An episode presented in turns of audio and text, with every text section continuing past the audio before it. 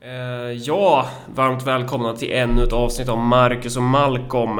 Eh, idag är det fredagen den 8 juli och klockan är 14 och 19. Eh, och vi tänkte väl prata lite om eh, ett, eh, ett ämne som en lyssnare eh, tipsat om. Eh, eller ja, en aspekt av det i alla fall och det är ju krisberedskap då. Även om han kanske tipsade mer om civilförsvar och sådär, men det går ju ihop liksom. Mm. Ja, men precis. Eh, och ja, eh, ska vi flyga direkt på eller ska man... Här. Det, vissa kanske typ tänkte sig att vi skulle kommentera den här jävla eh, Almedalsveckan nu, men ja, det finns väl ingenting att, eh, att säga om det liksom. Nej, nej men precis. Känns alltså, ju fruktansvärt ointressant och irrelevant för, för vad, det, vad det är som ja, händer. Nej. nej, alltså jag har verkligen inte följt det där. Uh, men jag vet inte, har du hört någonting överhuvudtaget? Alltså jag, jag håller mig, jag är ju så sjuk i huvudet. Jag, jag måste ju hålla mig aktivt borta från att läsa om såna här grejer. För att jag, jag blir så jävla arg liksom. Jag, jag hatar hela den... Alltså jag hatar Almedalsveckan så jävla mycket. Det är så frukt... Alltså det är så här... Det är ju det perfekta exemplet på eh, det här politikeretablissemanget liksom. Bara där samlas de varje år och bara är äckliga.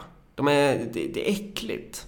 All, mm. Allt med det där är äckligt alltså. Jo men precis, men det intressanta är ju så här också att jag menar, jag kommer att tänka på nu när du nämnde Almedalen. Liksom. Mm. Vad har det för relation till det ämnet som vi tänkte ta upp idag? Ja, det blir ju ganska jo, alltså, relevant på ett sätt. Jo, men att... precis. Alltså för att om Almedalen var så seriöst snarare än en jävla mingelfest för... Parasiter typ, liksom. Ja. Då är ju det som vi hade tänkt att tala om någonting som man skulle tala om väldigt mycket ja. och väldigt mycket i detalj så här. Mm. Men det här är ju mingelfest för parasiter och hangarounds. Så att det som, man, det som man håller på att tala om det är ju olika buzzwords mer eller mindre. Därför att Ja, nej men alltså politikernas roll är fan inte att styra längre.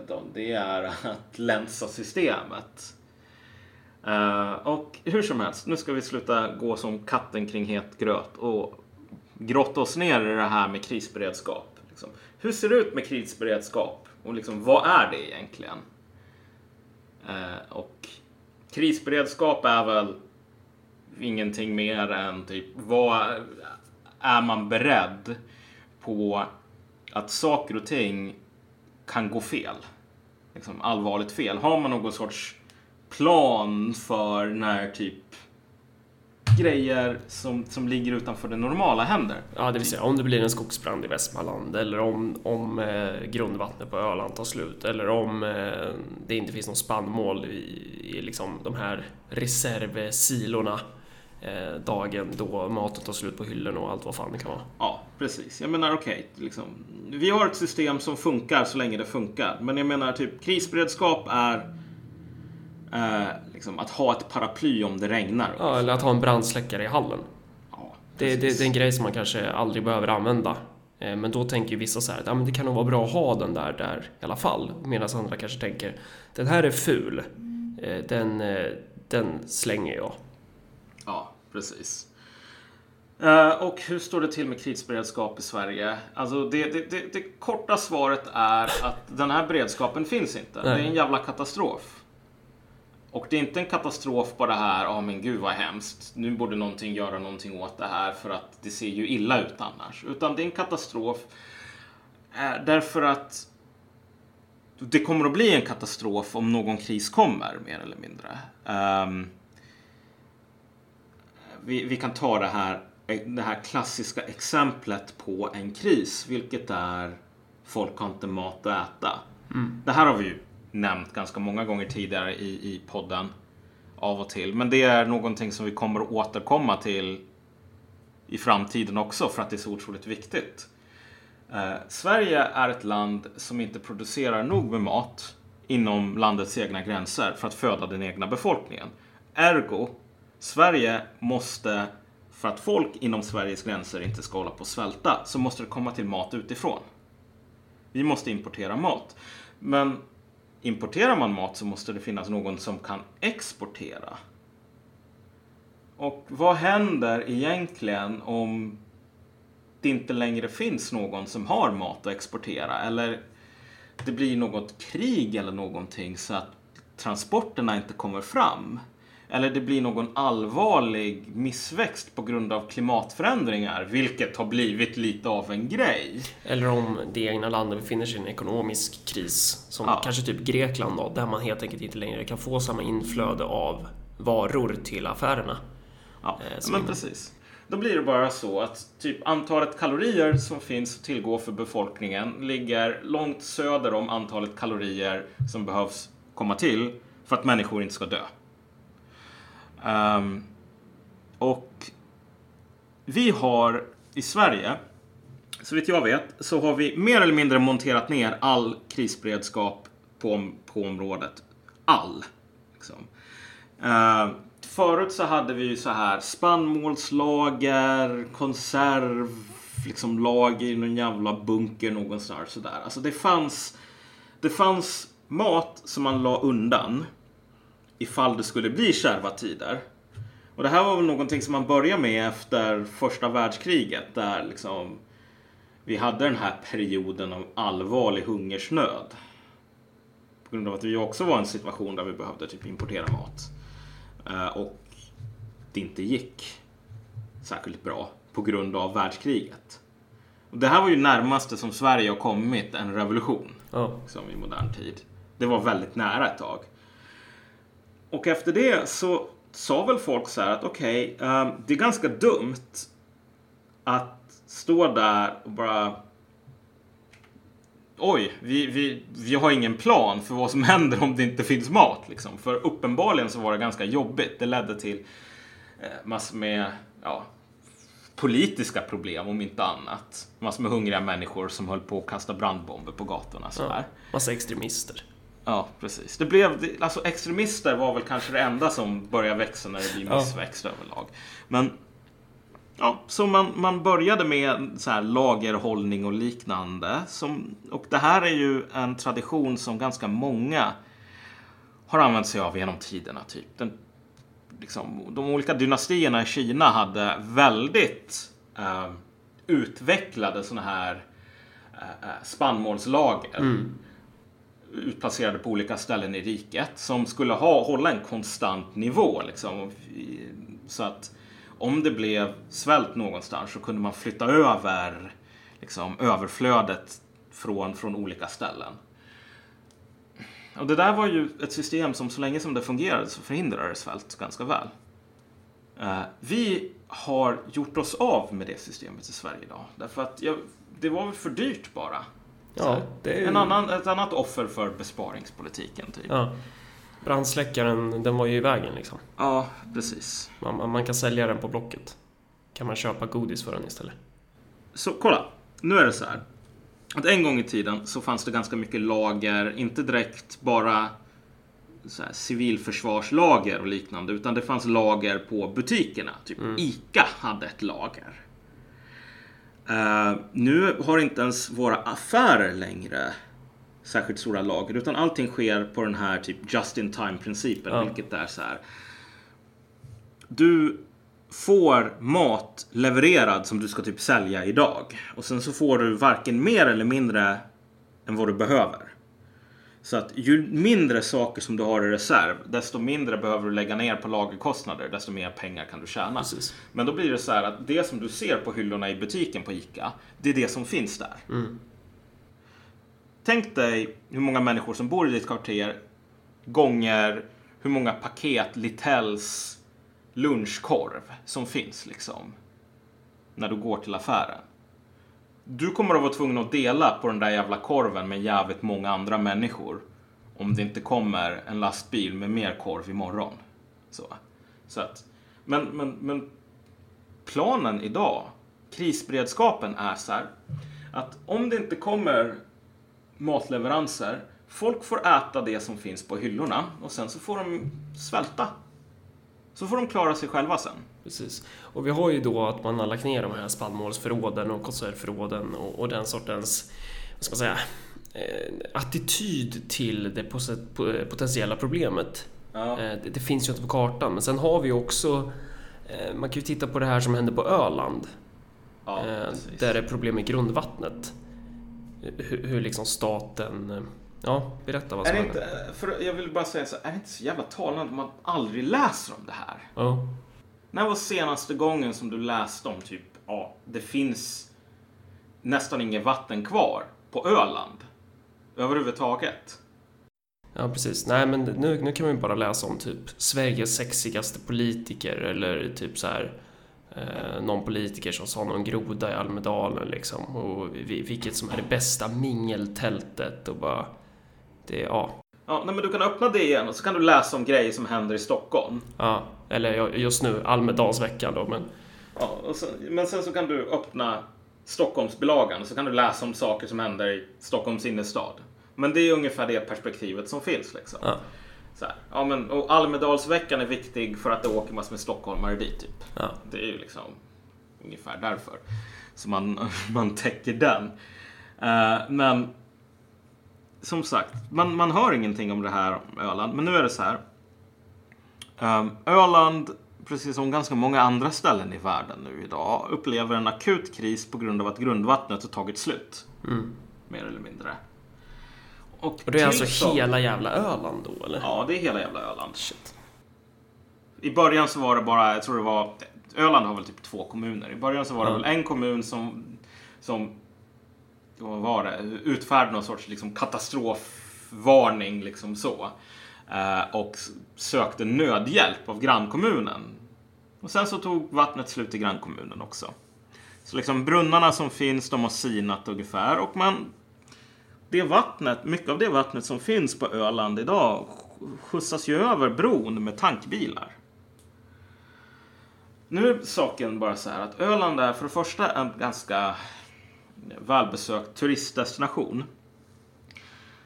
Och jag måste faktiskt erkänna att jag tog väl inte den här nyheten om Ölands vattenkris på så jävla stort allvar. Jag tänkte väl bara, "Ja, men turisterna får väl åka någon annanstans. Liksom. Mm. Men nu är det också så att det finns ganska mycket jordbruk på Öland. Och den matproduktionen som vi har, en inte obetydlig del av den finns på Öland. Liksom. Ehm, det finns inget vatten och här, liksom, man har, det råder bevattningsförbud på hela ön idag. Eh, och alltså, vad säger, vad var det liksom den svenska statens respons till det här ungefär? Det var typ, ja men sorry, men det här är en kommunal angelägenhet. Liksom. Kan du tänka dig? Ja, det är, det är ju väldigt intressant. Alltså, det får ju de här kejserliga, alltså de kinesiska kejserliga dynastierna att framstå som värsta eh, kommuniststaterna eh, i jämförelse när det gäller liksom så här att hantera problem, att, att, att, att, att ha en helhetssyn, att vilja vara villig att distribuera hjälp till vissa regioner. Här har vi liksom en stat som, som tvärtom bara så här, nej, det här är inte vårt problem. Ja, jo men precis. Men ah, de flesta katastrofer är ju liksom lokala, om Ja. vi säger så. typ. Vattnet tar ju inte slut på hela planeten jorden eller hela liksom Vintergatan. Vattnet tar slut på en viss plats. Liksom. Det är ju det som är definitionen av en sån här kris, mer eller mindre. Ehm, så det är väldigt talande när någon säger ja, men du, det här är ett lokalt problem. Jo, men självklart är det ett lokalt problem. Men, men det, det, det är ingen som bestrider det. Men vad den svenska staten säger här är bara så här, vet du vad? Vi är inte intresserade av att ta tag i den här sortens kriser. Ni får klara er själva. Um, och ja, nej, men du nämnde så här kinesiska dynastierna och så vidare. Det var ju få av dem som sa så här. Ja, en svält i Shanxi-provinsen. Vet du vad? Det där är ett lokalt problem. Det får folk i Shanxi fixa. Självklart så kan inte folk i Shanxi fixa uh, att det inte finns mat i Shanxi. Liksom. Det, det, det, därför att, att det inte finns mat i Shanxi är ju problemet som måste fixas. Och om du inte får mat någon annanstans ifrån, jo men alltså då kommer lösningen bli att alla svälter ihjäl liksom. Och i fallet Öland, så här. Om man bara säger, ja men vet du vad, det här får lösa sig självt.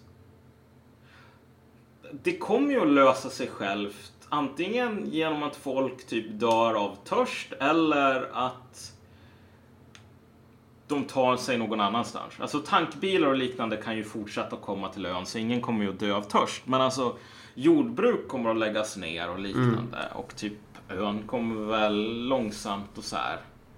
Ja, det är ju en ganska så här eh, viktig variabel i ett fungerande normalt liv att man har Ja. så tillgång till vatten. Eh, Ja, har jag hört. precis. Ja, hur många dagar tar det ungefär innan, innan det blir lite grann av ett allvarligt problem? Ja. Inte särskilt många faktiskt. Mm. Men det här är, alltså Öland är ett exempel på hur det här fungerar, fungerar i Sverige. Men om vi ska vara riktigt krassa så kan vi väl säga så här, hur många människor bor på Öland egentligen och hur stor andel av liksom, matproduktionen är det? Det är liksom kanske, kanske bara en 10 procent, kanske mindre än så. Så vad fan, Av dem, Sveriges liksom. befolkning som bor på Öland. Nej, i matproduktionen. Ja. det är, men, men liksom, vi kan väl säga så här, om vi ska vara riktigt elaka bara för att liksom spela djävulens advokat. Vad fan, Öland spelar ingen roll, de här människorna kan dö. Varför ska DN sluta täcka Stockholm för att täcka det här? Ja. Så här. Fair enough.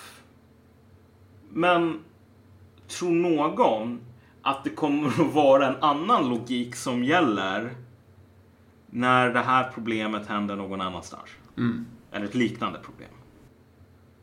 Alltså, svaret, ja, jag vet inte. Det finns väl säkert någon som tror det, men jag menar, problemet är bara att det här visar på en attityd som är väldigt, väldigt farlig. Mm.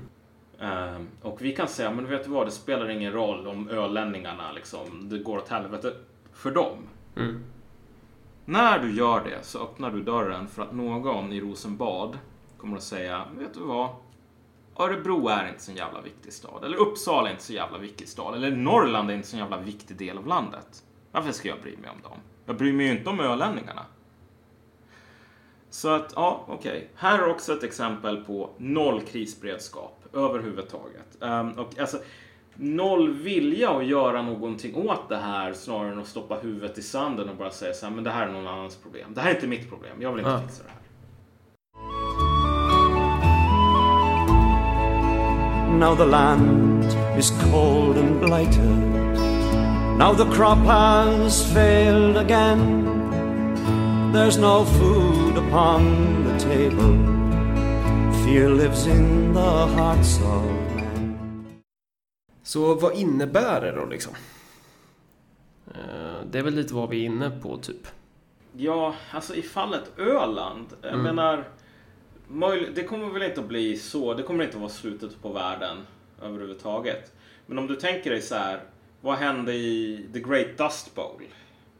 I USA. USA. Mm. Alltså, där hade du ju... Det var ju inte direkt... Det var ju jättemycket torka, men sen var det... Torkan ledde till att typ toppjorden blåste bort. Och stora delar av landet gick inte att bo på längre. Liksom. Och där var det också så här, vet du vad? Folk får sköta det här på, på, på något privat sätt ungefär. Ja. Sen har du den här stora svälten på Irland också. Ja. Mm. Jo men alltså vi, vi kan komma till det lite senare. Men, alltså, men, men när det gäller Öland så bara så här.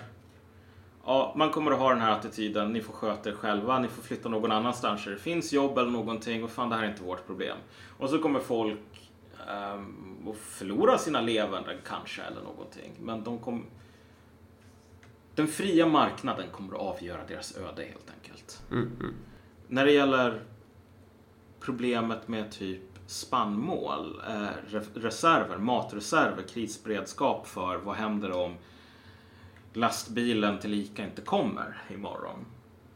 Vad är konsekvensen där? Jo, det är att folk dör. Det är inte svårare än så. Alltså, Ja, eller ja, då skulle ju någon smart jävel bara säga ja men jag går till Willys. Men alltså Ja, jo. poängen. Folk bokstavstolkar ju våran podd något överjävulskt. Så det, Ja, det, det går ju fan jo. inte. Ja. Jo, jo men precis. Men, alltså, men not to put too fine a point on it. Men alltså, vet, vad, det som händer med ett samhälle som måste importera mat. Som inte har någon plan B när matimporterna avbryts av någon anledning. Det är att tillräckligt många människor dör så att den maten som finns räcker till.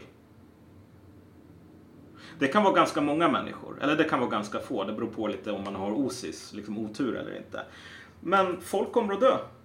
Och det kommer att vara så här människor som typ lyssnar på den här podden, typ vänner, familjer, vänner, familj. Gud, jag kan inte ens tala. Det kommer att vara vänner, familj, medarbetare, så här, folk på gatan och så vidare. Du nämnde den här på svälten i Irland till exempel. Mm. Hur många människor var det som dog där? Eller så här, Irland idag har färre människor som bor på den där jävla ön än vad den hade innan den stora svälten. Ja. Den stora svälten var för ett ganska bra tag sedan. Liksom. En fjärdedel av landet antingen dog eller var tvungna att fly. Främst till Amerika. En fjärdedel. Och det handlar ju då om att man hade mat på ön liksom. Bara det att man hade så koloniala lagar och skit så att den där, alltså den, den lilla jordplätten av, av eller så här, den, den lilla, jord, lilla jordbruksarealen av Irlands totala jordbruksareal som irländarna själva fick använda för sig själva då. Jag kan ju inte prata heller. Man hade mat på den där jävla ön, men eh, grejen var den att man på grund av koloniala lagar var tvungen att exportera det liksom. Ja, den fria marknaden så som det brittiska imperiet definierade den avgjorde ja. irländarnas öde och den fria marknaden gjorde tummen ner. Mm. Så de här människorna fick dö. Alltså, det här har vi det, en av de viktigaste sakerna att tänka på när det är svält. Mm, liksom när vi talar om svält. Svält händer inte för att det inte finns mat. Alltså att folk dör är nästan aldrig en funktion av att ja, men det finns inte mat.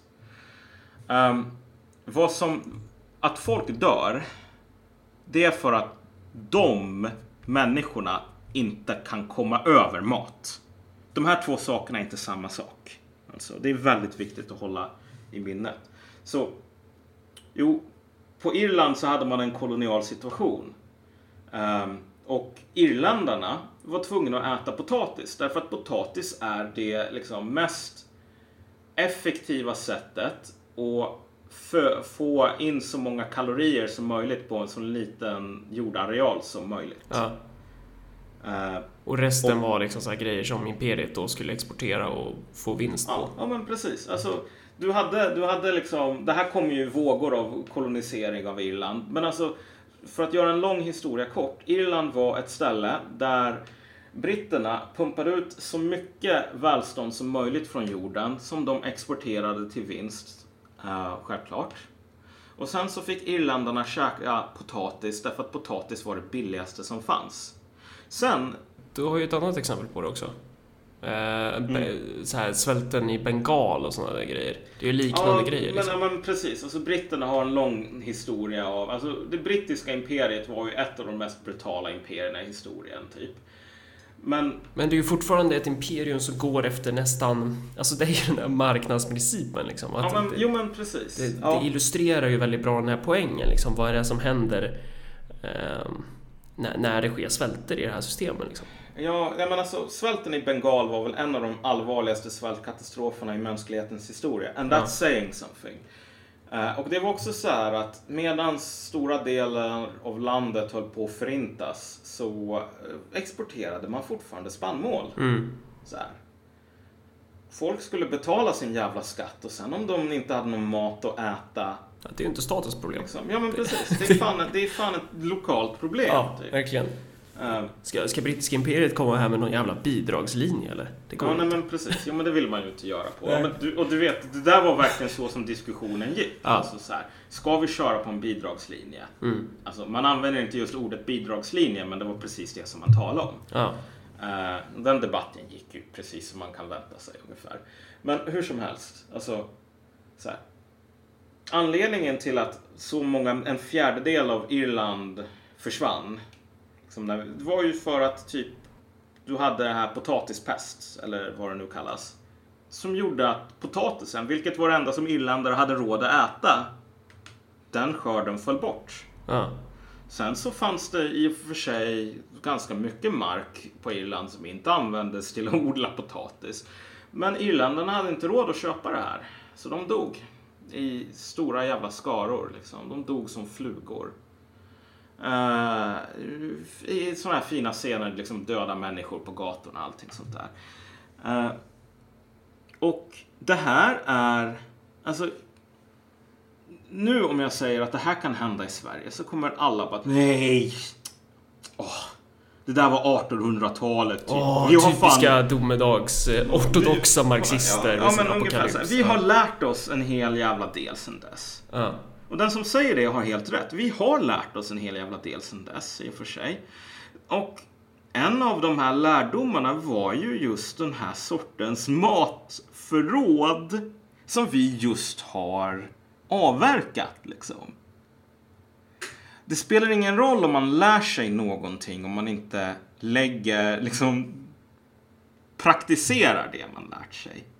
Och eftersom vi inte praktiserar de sätten som man gör, liksom, de metoderna som ett samhälle kan använda för att folk inte ska svälta ihjäl och det ska inte ska ligga lik på gatorna. Så summa summarum. Okej, vi har lärt oss en hel del sedan dess och sen så har vi bestämt oss för att skita i alla de här lärdomarna. Liksom. Men skiter man i typ så här, så här gör man för att undvika svält. Ja, men då kommer man inte kunna undvika svält om svälten kommer. Så vi, jag vill verkligen understryka det här. Vi har ingen krisberedskap. I en sån allvarlig situation, vi säger så här att det blev någon allvarlig, allvarlig klimatförändring. Eh, ganska stor missväxt och liknande. Då skulle det kanske bli så här att, ja jag vet inte vad, Frälsningsarmén kom över någon jävla gamla rovor och ordnade ett soppkök som du kunde gå till. Om du hade tur. Sen när de där rovorna tar slut, då kommer det att vara så här att den fria marknaden kommer att ge tummen upp eller tummen ner till dig. Om du är värd, om ditt liv är värt någonting. Och om den fria marknaden ger tummen ner. Okej, se det positiva i situationen. Att dö i svält är inte det värsta sättet att dö på som finns. Det finns ett par sätt som är värre, men inte särskilt många. Så det liksom, du får väl använda positivt tänkande i en sån Ja, situation. Liksom. man får tänka väl- positivt. ja, precis. Men eh, ja, och vart glider vi in i det här då, liksom, när man snackar om krisberedskap? För att det, det, vi har ju tidigare pratat om liksom det här sociala kontraktet, typ, eller den här underförstådda relationen i den här representativa demokratin, den här liberala demokratin, om att här, folket ska förhålla sig passivt till samhället. Så här, våran roll är typ att jag menar vad, gå och konsumera och sen så ska vi sitta och kolla på eh, Let's Dance eller vad det nu kan vara. Fan vad man bara tar den, det exemplet alltså. Vi ska Ja. sitta och titta på X on the beach. Eh, och sen så... Eller Game of Thrones. Ja, okej då. Men det vill ju inte du ta upp för du tycker det är fortfarande bra. Ja men det är ju bra. Har inte det blivit jävligt dåligt nu? Nej, alltså problemet med Game of Thrones nu är ju att eh, jag eh, börjar svettas för jag blir nervös för att när man har läst böckerna i tidigare säsonger så vet man ju typ vad som kommer hända. Men nu så har de ju gått förbi böckerna. Eh, och, och så. Men eh, nej, men det, är- det, är väl, det är väl bra liksom. Ja, hur som helst. Ja, folk ska sitta och så ska de hålla käften och så ska det vara bröd och cirkusar. Ja, exakt. Det, det, teknokraterna, eller så här, politikerna löser det i bakgrunden liksom. Mm. Eh, så även där så finns det en ideologisk förväntan om att ja, men den här krisberedskapen, det rör inte oss.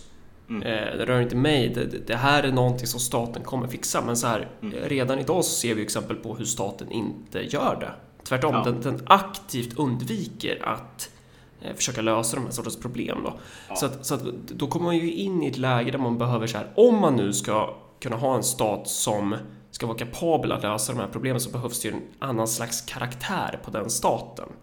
Eh, för att det, det finns ju ingenting i en stats uppbyggnad som gör att den inte kan lösa problem, utan det handlar ju då om dess interna karaktär. Alltså den, den staten vi har idag är ju till exempel, som du sa i början, liksom, politikerna är ju inte de är varken folkets representanter men de är inte heller så här personer som är till för att lösa våra kollektiva problem Nej. utan det är personer som sitter där för att de ska sko sig själva. Så det finns ju en intern kultur som omöjliggör eh, samhällelig problemlösning. Ja, man kan säga vad man kan hata de så här sossarna från, jag vet inte vad, 50 år sedan eller någonting. Men de tog i alla fall den uppgiften på allvar. Ja. Så här. Kanske att de själva inte satt och satt så här, men hur löser vi det här vattenproblemet? Liksom. Men, men i alla fall så hyrde de väl någon som skulle ta fram någon jävla rapport om det här som var längre än två sidor. Och det behöver ju inte bara vara själva politikerdelen av staten utan den här kulturen tycks ju genomsyra även myndigheter. Alltså egentligen så är det ju typ samma sorts klientel som rör sig mellan de här apparaterna men, men överlag liksom. Ja, nej men alltså en gång i tiden så hade de fortfarande någon sorts esprit de corps. Liksom. En viss eh, en dedikation till uppgiften. typ. Det var ju så det sociala kontraktet funkade. Det här var deras roll. Och sen så var det stora folkflertalets roll typ att köpa en ny modell av TV varje år. Och trycka på mentometerknappen. Ja, en gång vart fjärde år. Ja. Alltså, men om du tänker dig så här, men hur funkar det liksom politiska systemet i praktiken idag? Det är så här, de flesta väljarna bestämmer ju sig ungefär för vad de ska rösta på. Inte, det är inte många dagar innan valet. Och det är så här, ja, jag kanske kollar upp någonting om typ vad det här partiet tycker om någonting och sen så gör jag något sorts beslut för att Stefan Löfven var ändå så stilig i den här debatten. Liksom. Alltså, det här är det normala. Och min poäng här är inte så här, ja men typ, vi, vi har bara massor med dumbommar, enfaldiga svenskar liksom, som inte följer Almedalsveckan. Utan kolla, det här är någonting normalt. Det, det, det är så här som det ska funka. Om du bryr dig mer än vad de flesta gör idag, då är det något konstigt med dig. Därför att det är farligt med folk som bryr sig. Alltså det går utanför det sociala kontraktet. Liksom. Folk ska vara tysta och kolla och de får sina bröd, liksom bröd och cirkusar, hela den grejen. Så här. Det är kompromissen. Men våra politiker idag är inte intresserade av att se till så att cirkusen fortsätter eller att brödet ens finns. Och de är inte intresserade för att, för det första för att det är jobbigt, för det andra för att alltså, du, du tjänar mer pengar på korruption, det är roligare. Men för det tredje för att även om de nu skulle vilja göra någonting åt det så skulle det inte gå utan att man var tvungen att omförhandla det här sociala kontraktet. Alltså, det sociala kontraktet, man kan tycka att det är, ja men gud vad hemskt, vad tragiskt, vi har ingen demokrati längre utan det är så här, vi har passiva människor som trycker på en knapp vart fjärde år mm. och sen så har vi teknokrater. Men det är inte fy skam egentligen om du är någon, om du, om du har det ganska nice, om du har det gött hemma i tv-soffan. Ja. Men vad fan, det finns värre Ja men alltså så länge det fungerar så är ju det en sak. Ja. Eh, och, det, och det behöver ju inte bara vara en liberal demokrati utan även den sortens relation finns ju på ett sätt också underförstådd i, alltså, ska man säga, fungerande diktaturstater. Ja. Alltså diktaturer brukar ju falla när vissa grundläggande behov inte längre ja. kan tillgodoses av regimen. Vi, vi, låt oss, låt oss liksom uppställa den här situationen. Ja. Men hur, hur, ser våra liv ut rent konkreta? Vi, vi håller på och talar, precis som du säger, håller på att harva det här om Let's Dance eller liksom tv-soffor och så vidare. Men låt oss, låt oss tala om hur det här faktiskt funkar. Ja. Vad händer när du går på toaletten? Vad händer när du tvättar händerna efteråt? Du trycker på en knapp. Och så kommer det vatten helt plötsligt. Ja, precis. Du stoppar in, du trycker på en knapp på ugnen så kommer den, går den på. Så stoppar du in datorsladden i ett vägguttag och så kommer det el. Mm. Trycker på lampknappen lampan går på. Förutom när glödlampan behöver bytas, men det är ganska enkelt. Liksom. Men så här, vi är ju alla medvetna på något sätt om att så här, bakom den här toaletten liksom, så finns det ju något sorts system av rör och avlopp och bla bla bla bla bla. Liksom. Det, är inte, det är inte så att alltså, universum slutar inte vid, vid, vid knappen. Liksom, utan det finns ju en hel värld bakom. Vi tänker inte på den därför att den alltid funkar. Så. så här. Våran roll är ju inte att bry oss om de här sakerna. Våran roll är inte att hålla på och fundera typ, hmm, vad är det egentligen som händer liksom? Vad, hur ser vårt kommunala vattensystem ut? Det är inte en jävla käft som ställer sig den sortens frågor när man vrider på kvarnen. Liksom. Nej. Och det hade ju varit jävligt konstigt om man gjorde, ja precis, varför skulle ja. man liksom? Eh, så att det... Men, men alltså, vi kommer ju gå... Alltså så här, utan att föreslå en konkret specifik lösning så mm. måste ju lösningen ligga i riktlinje med att man måste börja tänka i de banorna. Ja, alltså kolla. Så här. När de här sakerna, när det inte kommer något vatten. Ja. Eh, när vi vrider på kranen. Då tänker vi bara, ja men gud vad konstigt. Nu har någonting gått fel. Och så Ja. tänker vi, någon person kommer att fixa det här. Ja. Och normalt sett så är det någon person som fixar det. Vi ringer rörmokaren eller någonting. Eller det är ett strömavbrott och så fixar liksom Vattenfall eller vem fan det nu är. Eh, den här ledningen på ett par timmar. Så här. Eh, och vi behöver aldrig bry oss. Våran roll är fan att vara konsumenter typ. Vi ska konsumera för det är det som vi är bra till. Men kolla. Rent konkret, på Öland så har du en sån situation nu att om du vrider på kranen förr eller senare så kommer det inte att komma någon vatten. Och när du säger men åh gud vad konstigt, kan någon fixa det här? Så kommer folk att säga nej. Ingen lösning är i sikte. Så här. Jag vet inte. Du får fixa det. Om du kommer på något smart, ring oss på kommunhuset för vi har ingen aning. Här. Alltså. I ett sådant läge. Då faller det här sociala kontraktet som vi är vana vid sönder. Ja. Därför att det är ju tjänster och gentjänster, det är skyldigheter och rättigheter. Min skyldighet är att sitta hemma och kolla på Let's Dance. Min rättighet är att när jag vrider på kranen så ska det fan i mig komma vatten. Ja. Så här. Och om inte de sakerna funkar, då behöver det här kontraktet omförhandlas. Ja. Det är tyvärr dit vi går. Ehm, och det betyder också i slutändan att vi kommer att behöva bry oss om de här sakerna. Alltså, vi kommer att behöva bry oss om hur det går till för att vatten ska komma till kranen. Därför att, de inte, alltså, därför att den personen som ska se till så att vi inte någonsin behöver bry oss om det här klarar inte längre av det jobbet. Så att det, dels så behövs det ju då någon slags eh, kollektiv organisation kring problemen. Och också krävs ju en nationell idé också. Om Ja. att så här, nej det där är inte ett lokalt problem. Eh, för att jag vet inte, vissa kanske skulle säga så här, ja ah, men då kanske Öland vill bryta sig fria och bilda typ Folkrepubliken Öland eller något så annat omoget trams. Men att det där är ju ett, alltså Ja, med tanke på att tankbilarna med vatten kommer från fastlandet så tänker jag att ja, det får de väl gärna göra i så fall. Jag tycker att det är väl inte så jävla smart idé kanske. Nej men precis, att, att, så att det, det, själva idén om... Fan, jag låter ju som, jag vet inte vad.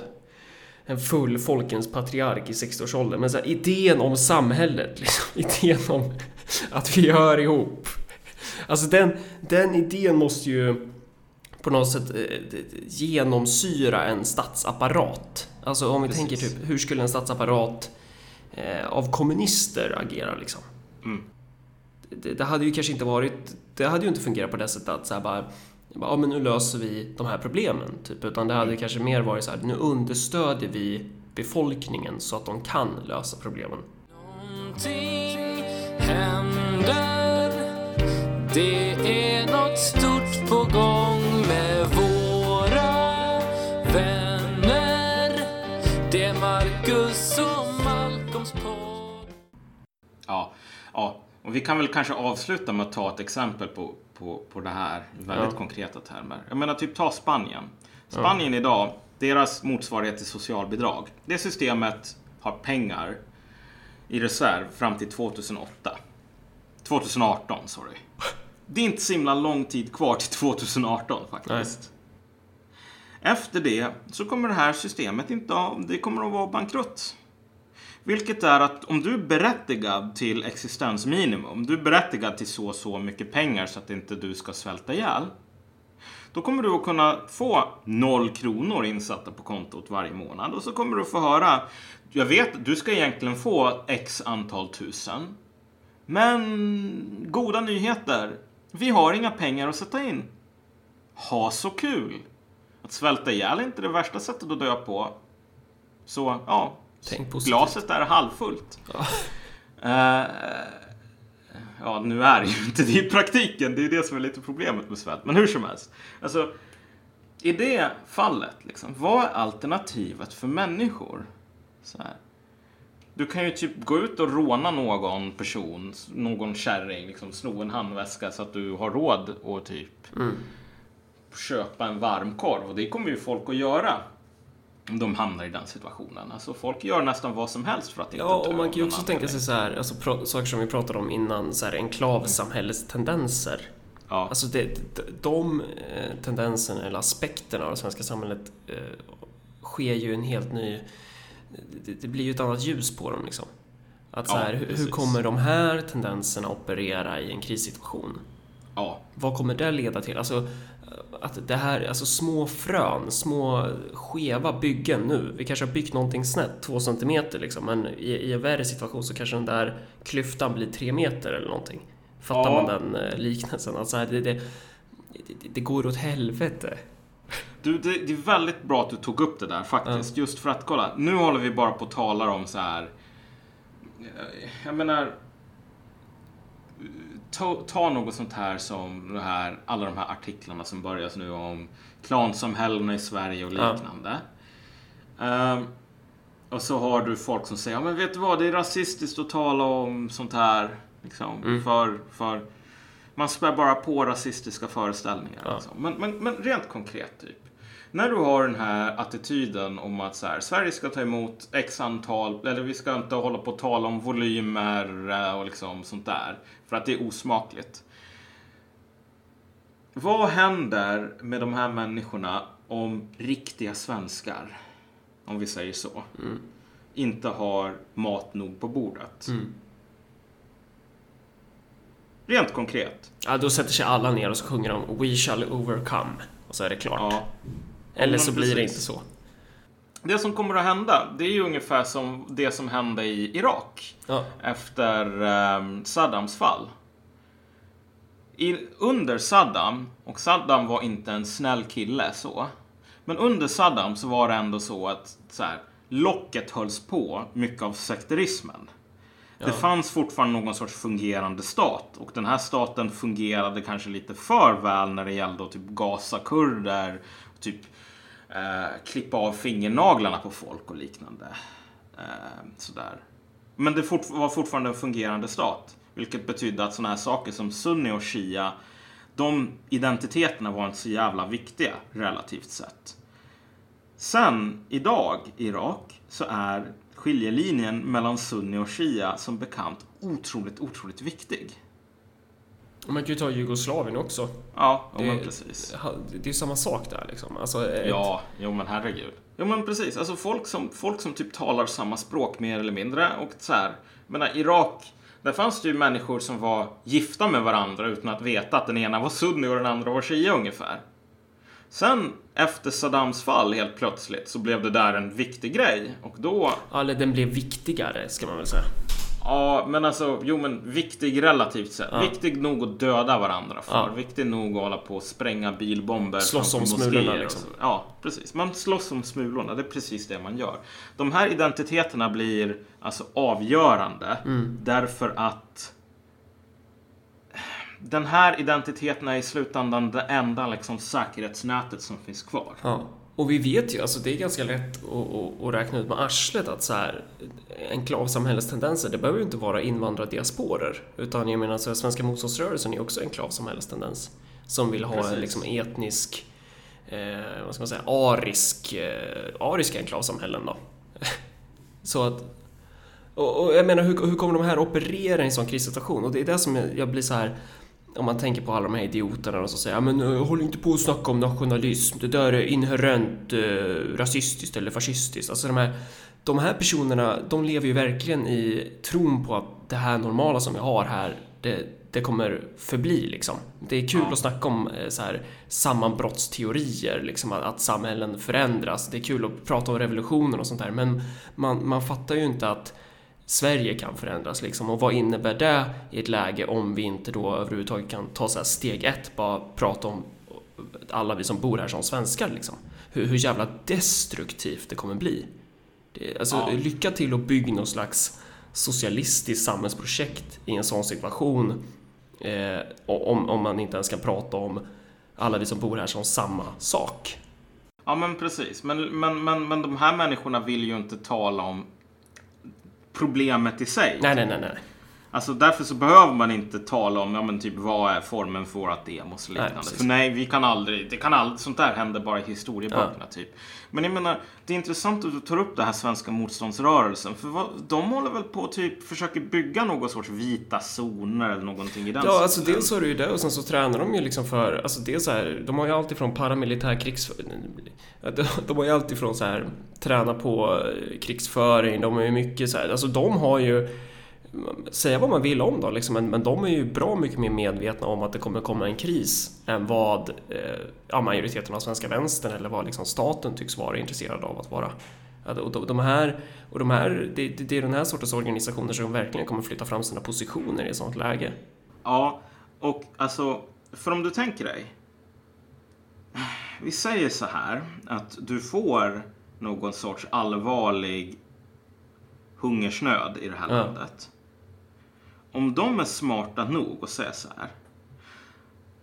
Vi erbjuder alla som är svenskar en förutsättningslös gemenskap där om du, du vet, en för alla, alla för en. Liksom. Gå med oss så kommer all, det vara allas vårat ansvar att se till så att du har mat på bordet.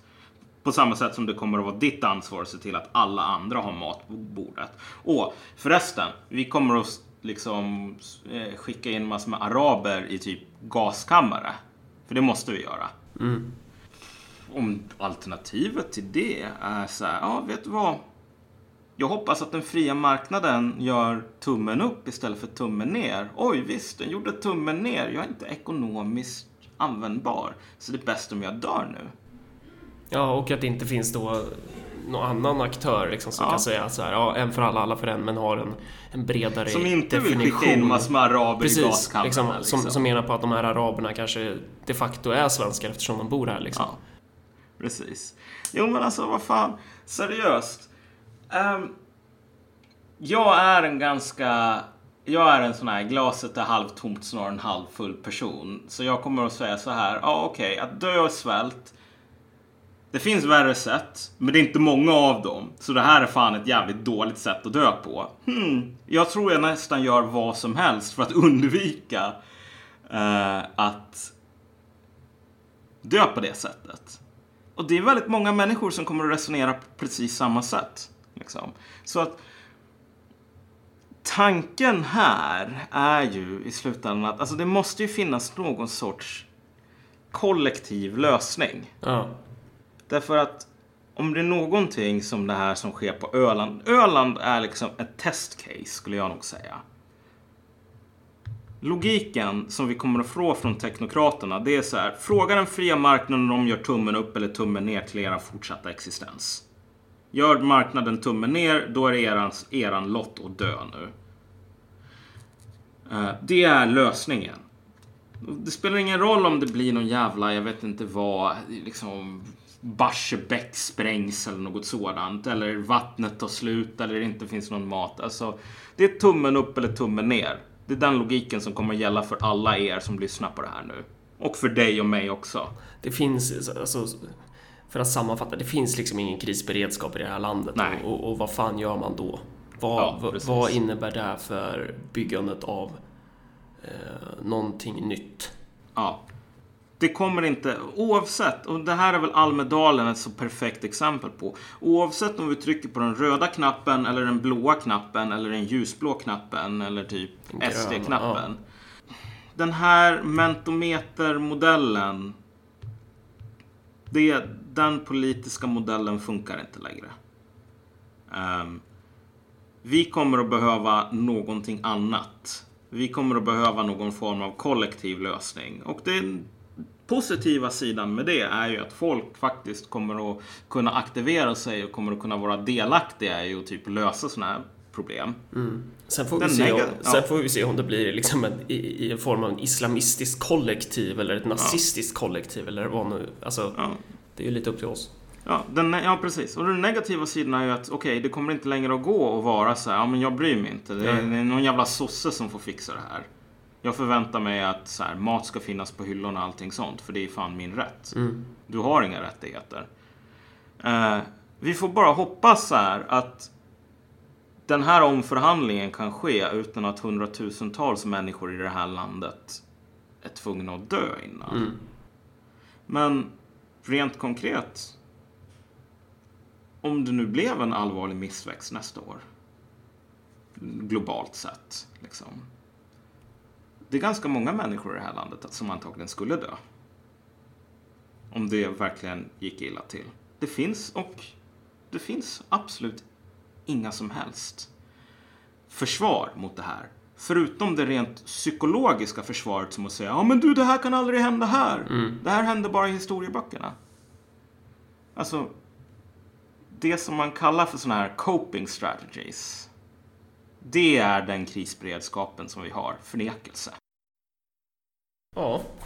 Om man tyckte att det här var... Eh, om man gillade det man lyssnade på så får man gett... Eller så här.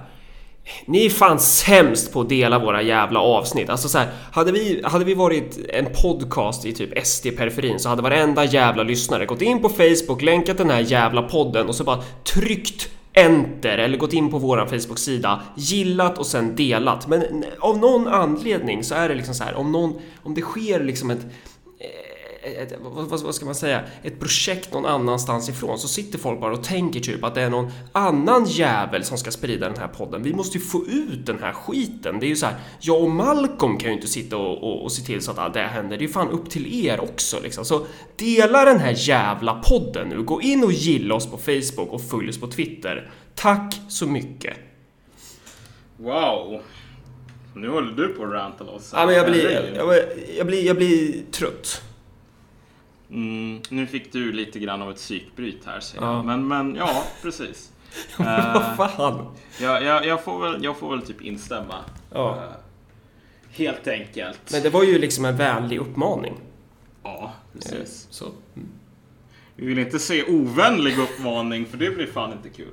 Men som sagt, eh, jag tänkte bara fråga. Ungefär när kommer vi återgå till att köra så här en två avsnitt i veckan igen? Ja, det beror ju lite på eh, vilka magsår man jonglerar med. Men eh, eh, min uppsats ska då vara eh, nästa inlämningstillfälle i augusti. Och sen handlar det lite om... Eh, ja, det är ju upp till dig och mig hur, hur vi kan tajma oss där. Om vi kan hålla så här strikt eh, DDR-schema. Så att vi, alltså då är det ju möjligt, men det är ju... Vi kommer behöva sätta ihop ett jävla team som får göra det här. Jag ska inte sköta det här Ja. med redigera och allt sånt, för det tar jävligt mycket tid liksom. Så Ja. det, ja. Nej, men det- det, blev det- inget det- svar på den frågan. Nej, precis. Men vi, vi ska försöka återgå till det här, för vi har ju som sagt lovat, men ibland så, så kommer saker och ting i vägen. Ja. Eh, Men jag vet att det finns en, någon människa, några människor ute i det här jävla pisslandet som typ inte kan få nog av att höra oss tycka tycka om saker. Men Så alltså helt fan- ärligt, varför har vi inte 50 delningar på vår Facebook-sida? Alltså bara så här, efter varje avsnitt. Det, det är jättelätt, man går in och så trycker man dela. Så här, all, alla i SD-periferin gör så, det är därför de sprids på nätet. Det är därför inte vi gör det.